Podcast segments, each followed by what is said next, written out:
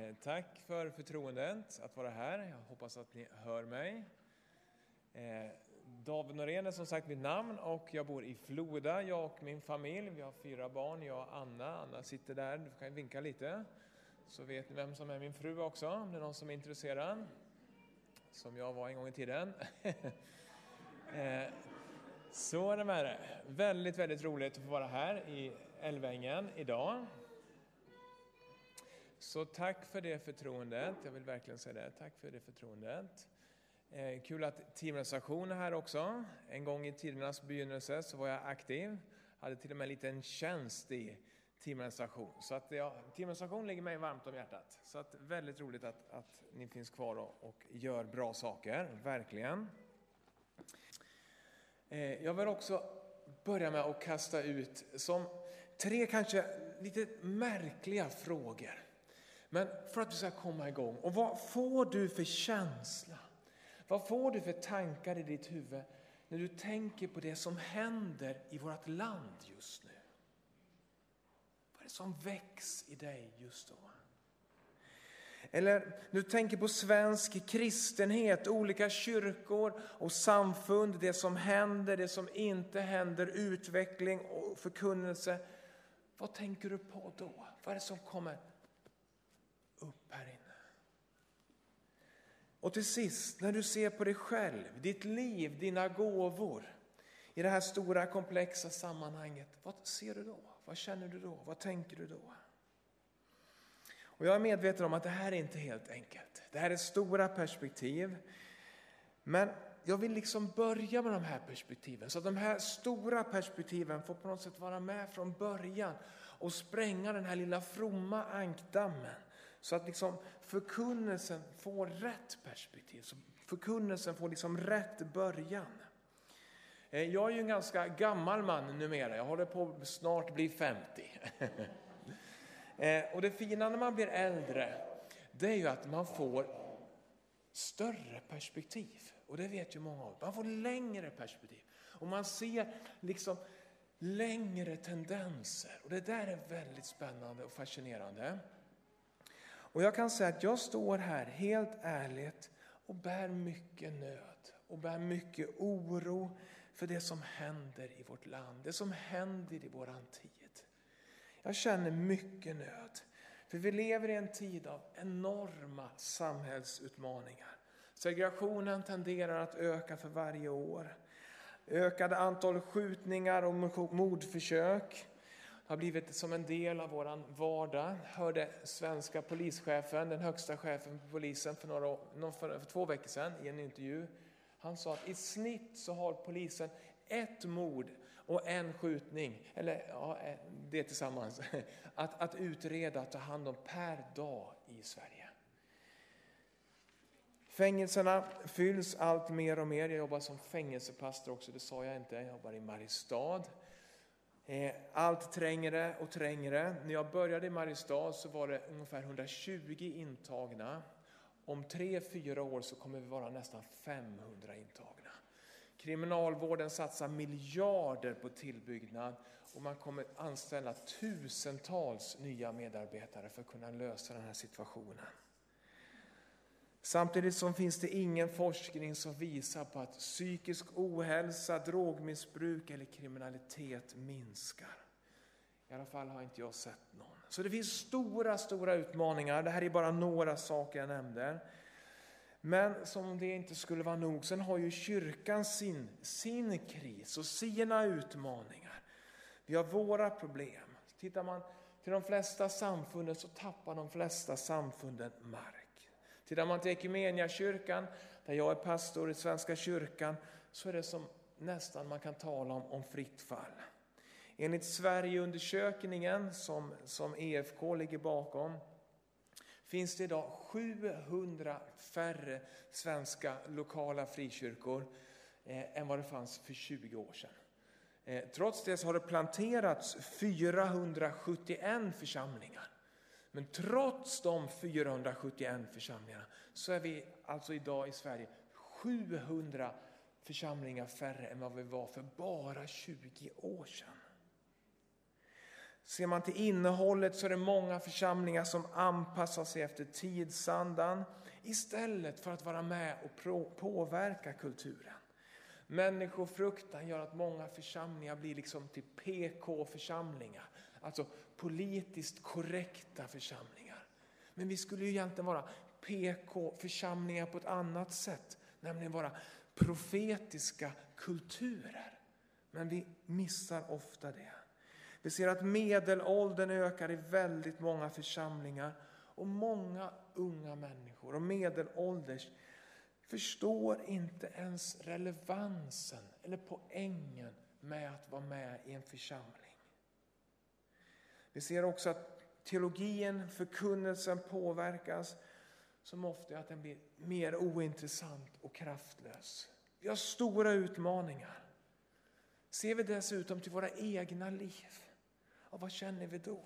När jag ser till mitt liv så ser jag också att det finns en brottning. Jag ser vad lätt det är att man fastnar i medelklassträsket. Där man liksom börjar leva och sträva efter bekvämlighet och, och upplevelser. Eh, och så märker man hur stressen kommer där. Stressen över ekonomi och över barnens hobby, över bilar, över hus och allt det där.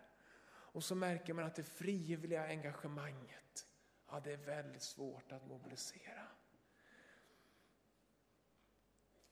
Och jag vet inte om du håller med. Det här är ju mina personliga, korta förenklingar, reflektioner.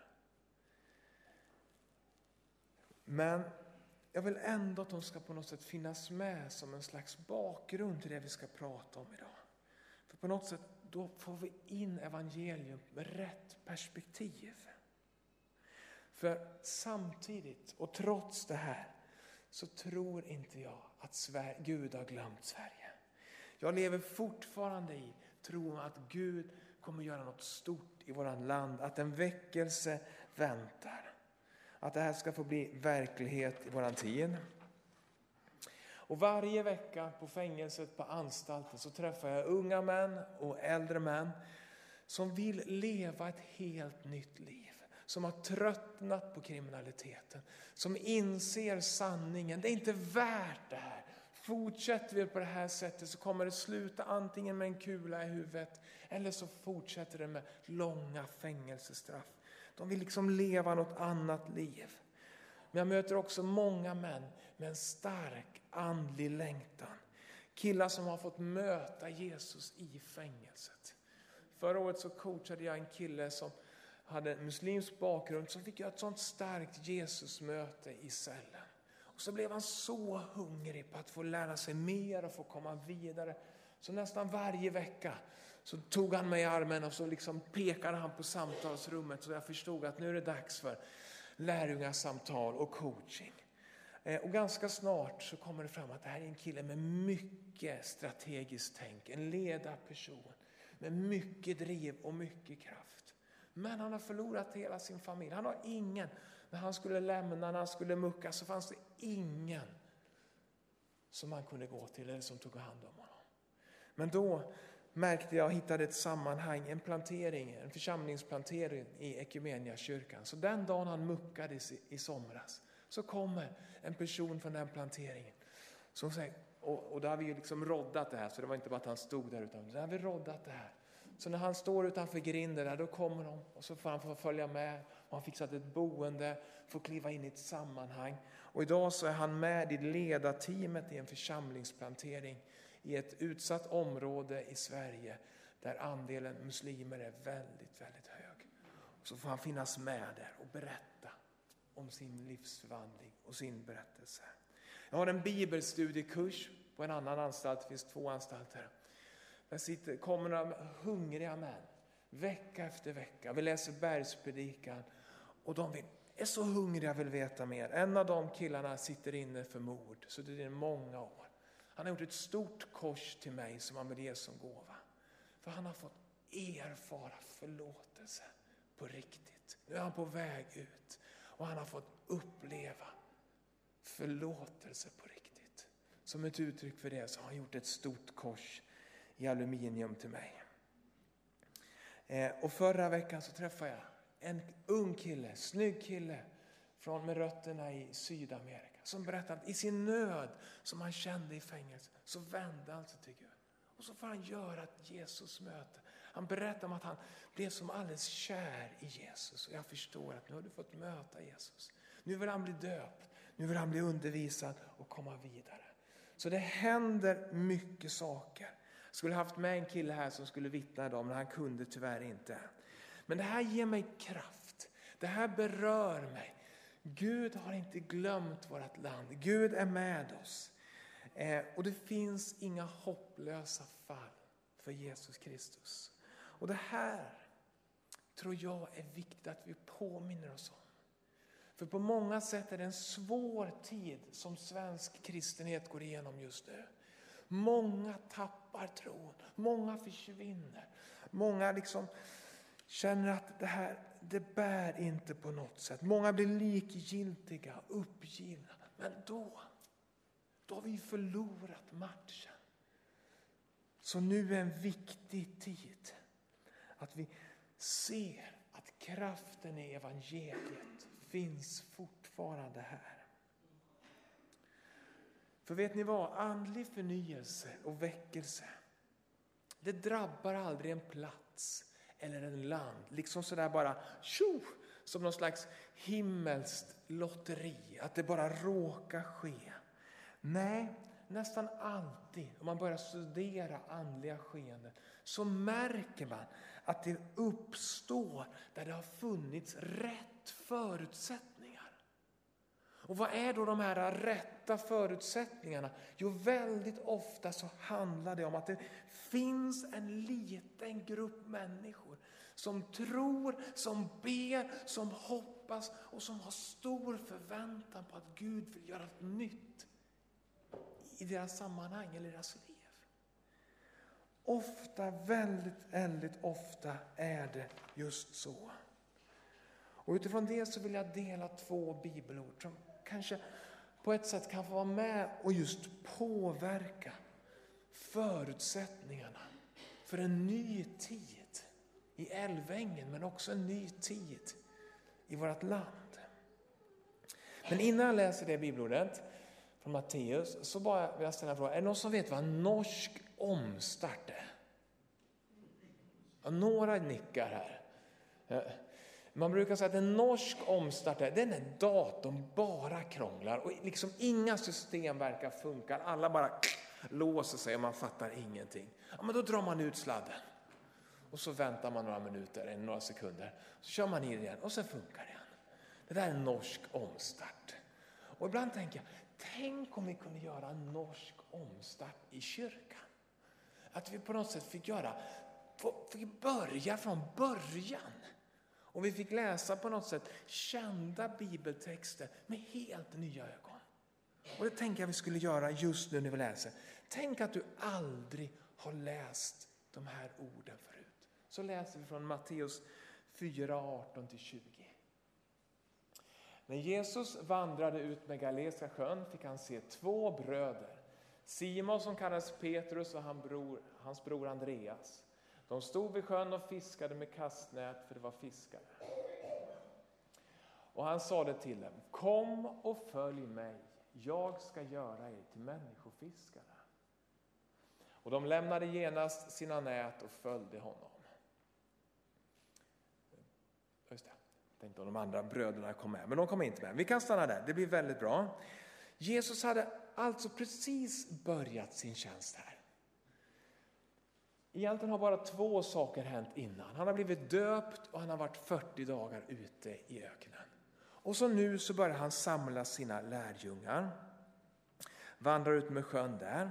Och vad säger han då till de här unga männen? Troligtvis så var de inte mer än 18-19 år gamla.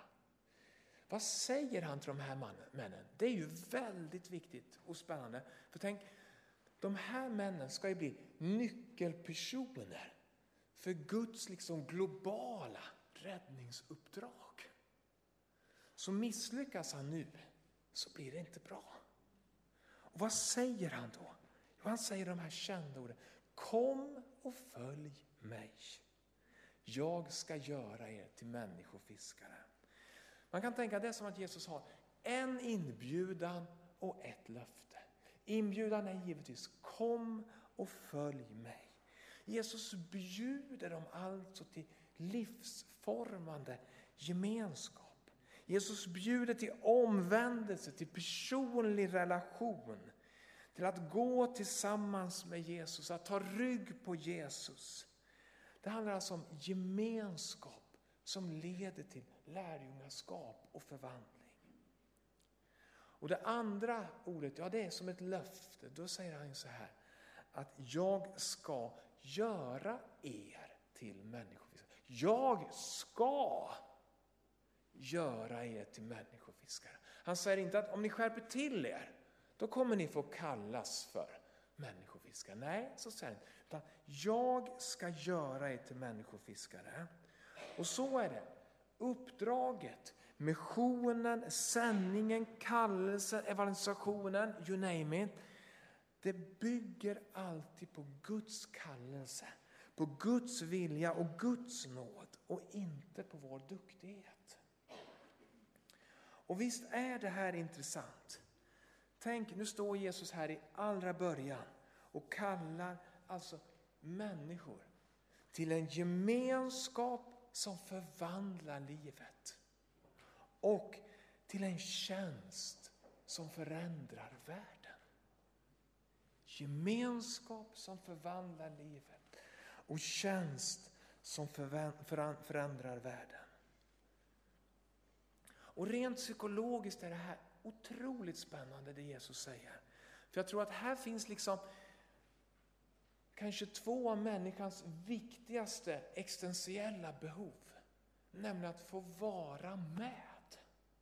Att få vara innesluten i en existentiell eller en kärleksfull gemenskap. Och samtidigt få vara med i ett meningsfullt sammanhang och göra skillnad. Det här ligger jättedjupt i alla människor.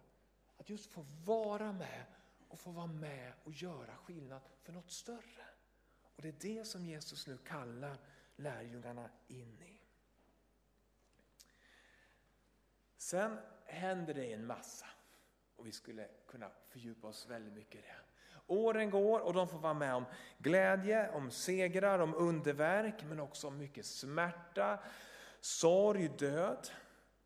När Jesus sen slutligen har uppstått och ska lämna sina lärjungar, då har vi tre år längre fram. Vad säger då Jesus? Vad säger då Jesus de sista orden till lärjungarna? Vi tar och läser det också. Det läser vi från Matteus 28 och vers 18 och framåt.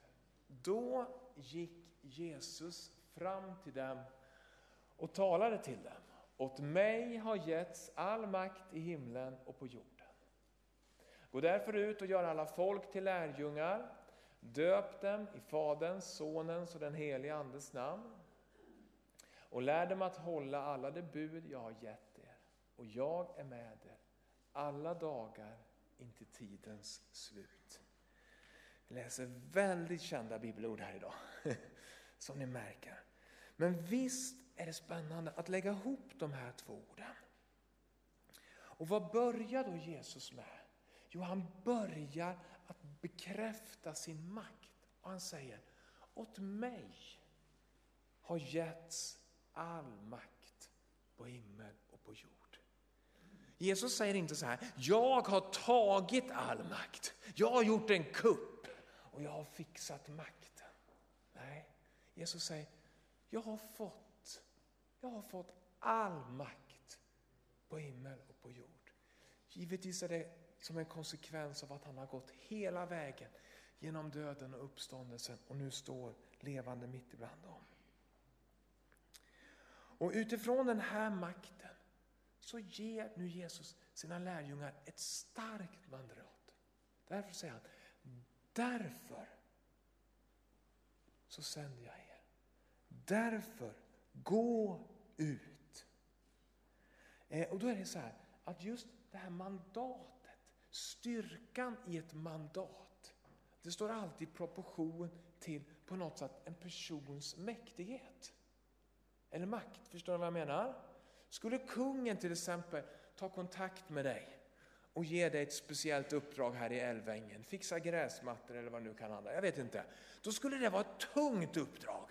För kungen har faktiskt ringt till mig personligen och sagt att jag skulle greja med det här. Då blir det tungt. Eller om någon skulle ha kontakt med Joe Biden till exempel och han säger det här är ditt uppdrag. Okej, okay. ni märker, då är det ett tungt uppdrag. För det är en tung person som har mycket makt som ger personerna det här uppdraget. Och tänk nu då, nu står lärjungarna inför den här personen Jesus Kristus som har all makt på himmel och jord. Som gör att, att amerikanska presidenten har, han blir som en liten fluga i sammanhanget.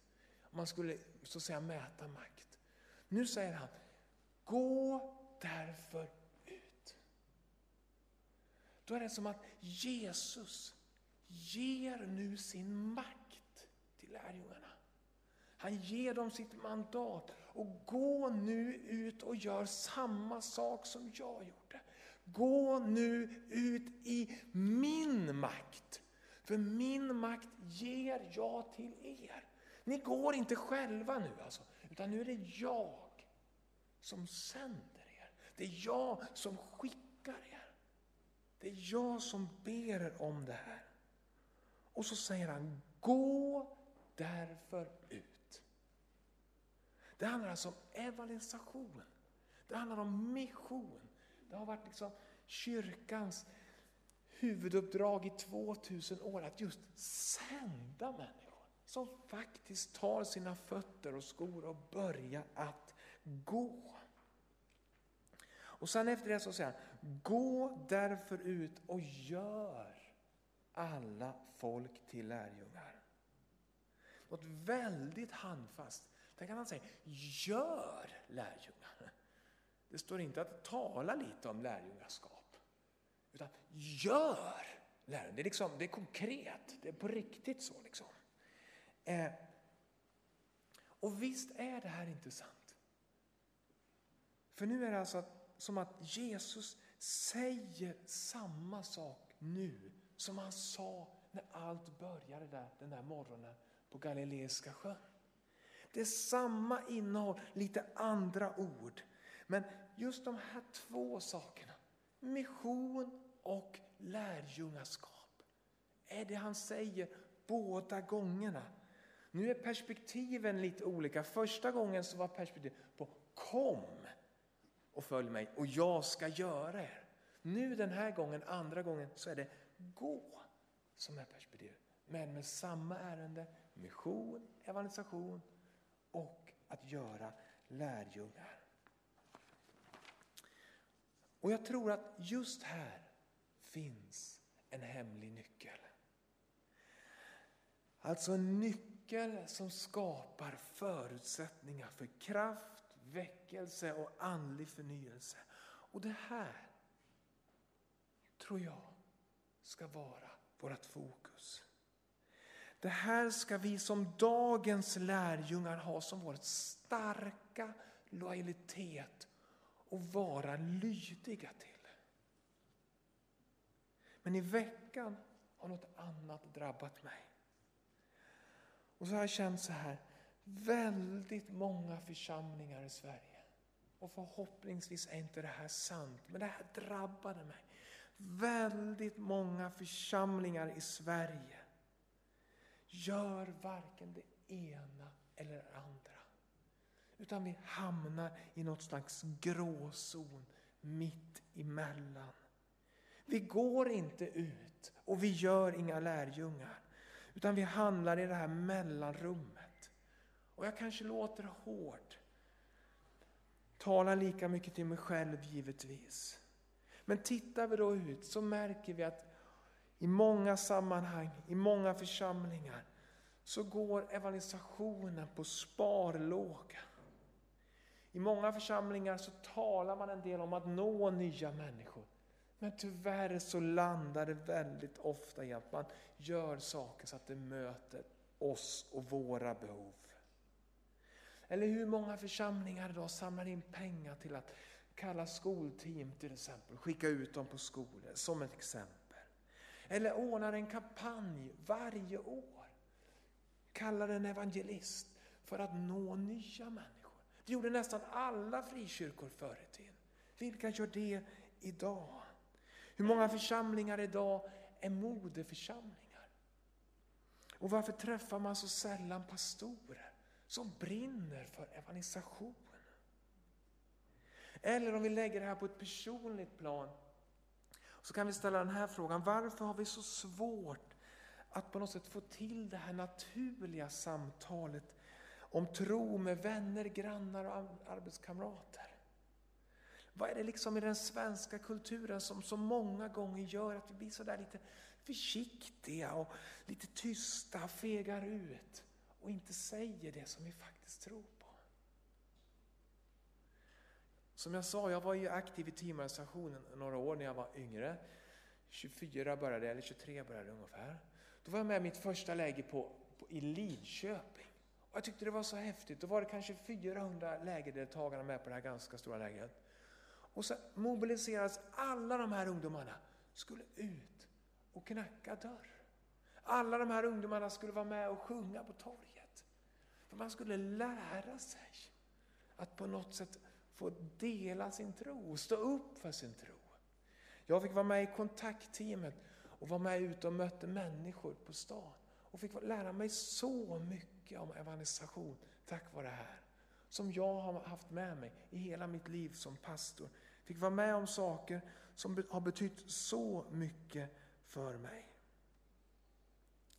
Men vi går vidare. Och så nämner vi det här då med, ja men hur lyckas vi då med det här med att göra lärjungar? Ja, tyvärr så går det lite trögt där också. Däremot att göra gudstjänster och göra kulturkvällar och verksamheter och sport och musik och så vidare. Ja, det är vi ganska bra på. Men blir människor lärjungar av det?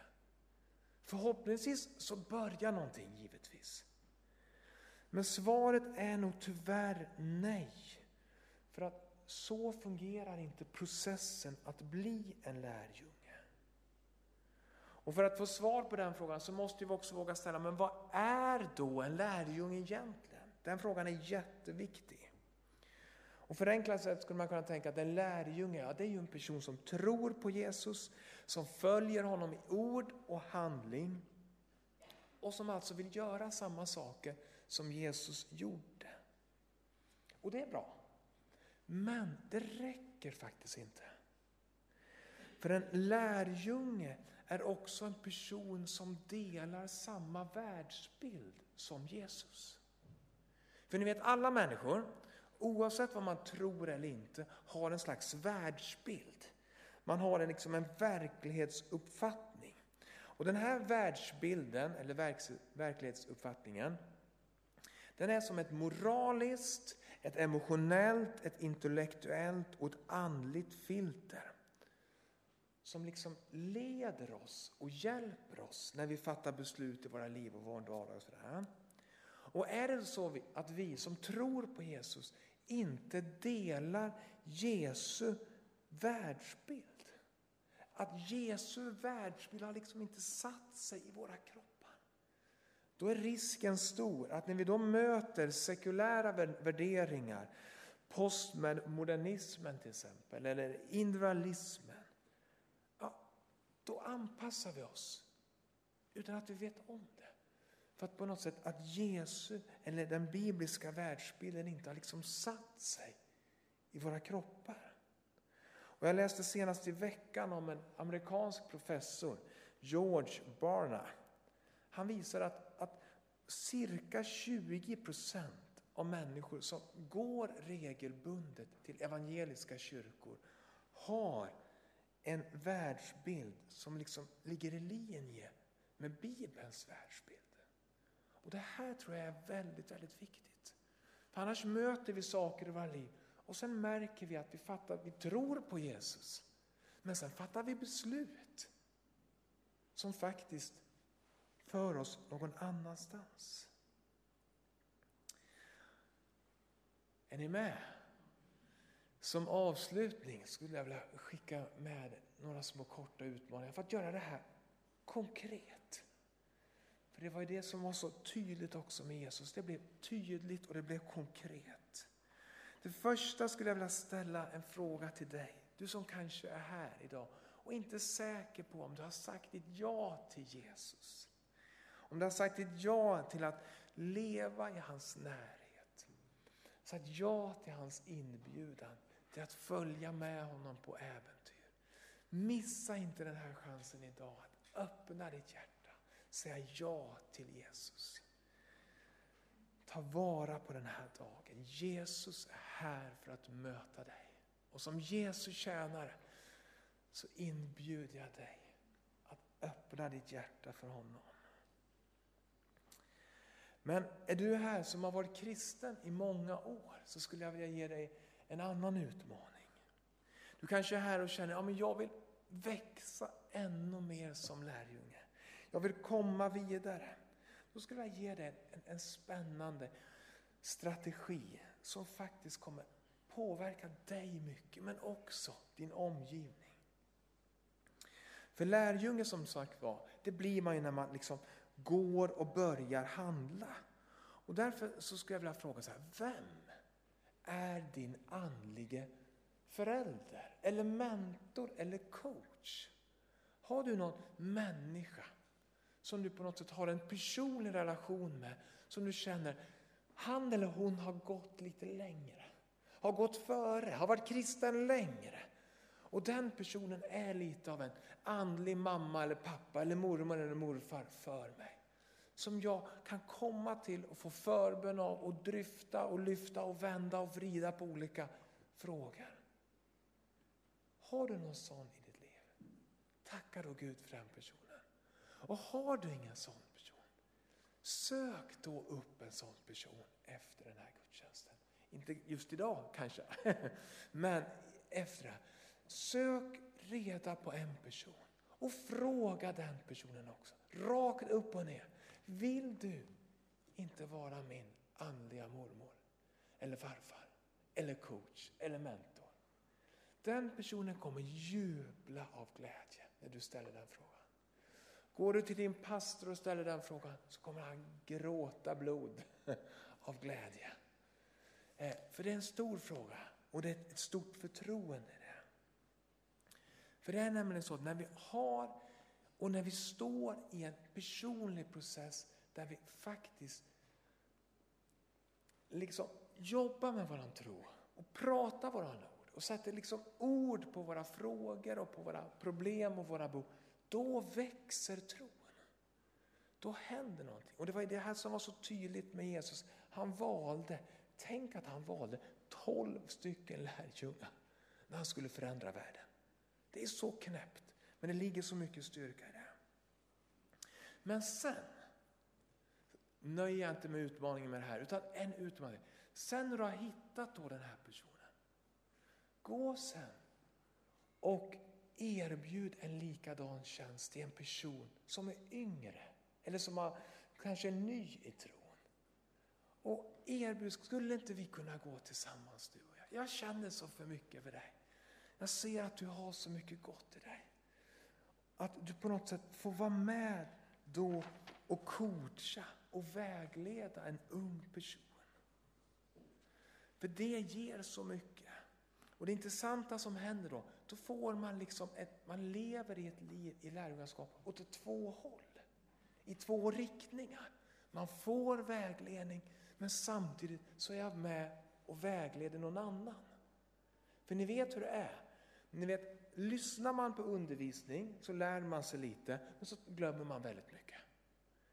Men är det så att man faktiskt försöker undervisa någon själv, att jag undervisar er eller jag undervisar mina barn, då lär man sig så mycket mer. Alltså när man är inne i den här aktiva processen att nu ska jag faktiskt lära någon annan eller undervisa någon annan. Då växer man så mycket. Och sen blir det faktiskt ett mönster av det här. Det blir en strategi av det här.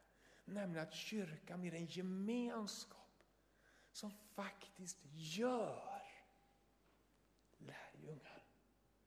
Just när vi faktiskt tar vara på de här processerna för att vara lärjunge och fördjupas som lärjunge handlar väldigt mycket om de här medvetna processerna. Och gör vi det, då lyder vi alltså missionsbefallningen. Och vi tar de här två orden som Jesus nämnde i början av sin tjänst, slutet av sin tjänst. Evangelisation och lärjungaskap. Då tar vi dem på allvar. Och det tror jag kommer att vara med och lägga grunden för ett nytt land och för ny tro i många människors liv. Amen. Vi ber. Ja, Jesus, tack att vi får komma med våra liv inför dig. Du ser att vi så många gånger känner att vi skulle så mycket mer. Och så kan man ibland tycka att det blir så lite. Jag kan tycka det så själv väldigt ofta i mitt liv. Men Jesus, tack för att du kallar oss just nu denna stund. Det är du som faktiskt lovar att du vill göra oss till människofiskare. Jesus, tack för den människa eller de människorna som kanske idag sitter här och känner att jag vill öppna mitt hjärta för dig för första gången. Tack att du är där också och möter just nu. Tack att vi får bli dina barn. Tack att vi får säga ja till dig. Tack vare det som du har gjort. Och låt oss hjälpa varandra att bli lärjungar. Inte bara tala om lärjungaskap. Hjälp oss att göra det som du gjorde. I ord och i handling. I Jesu namn.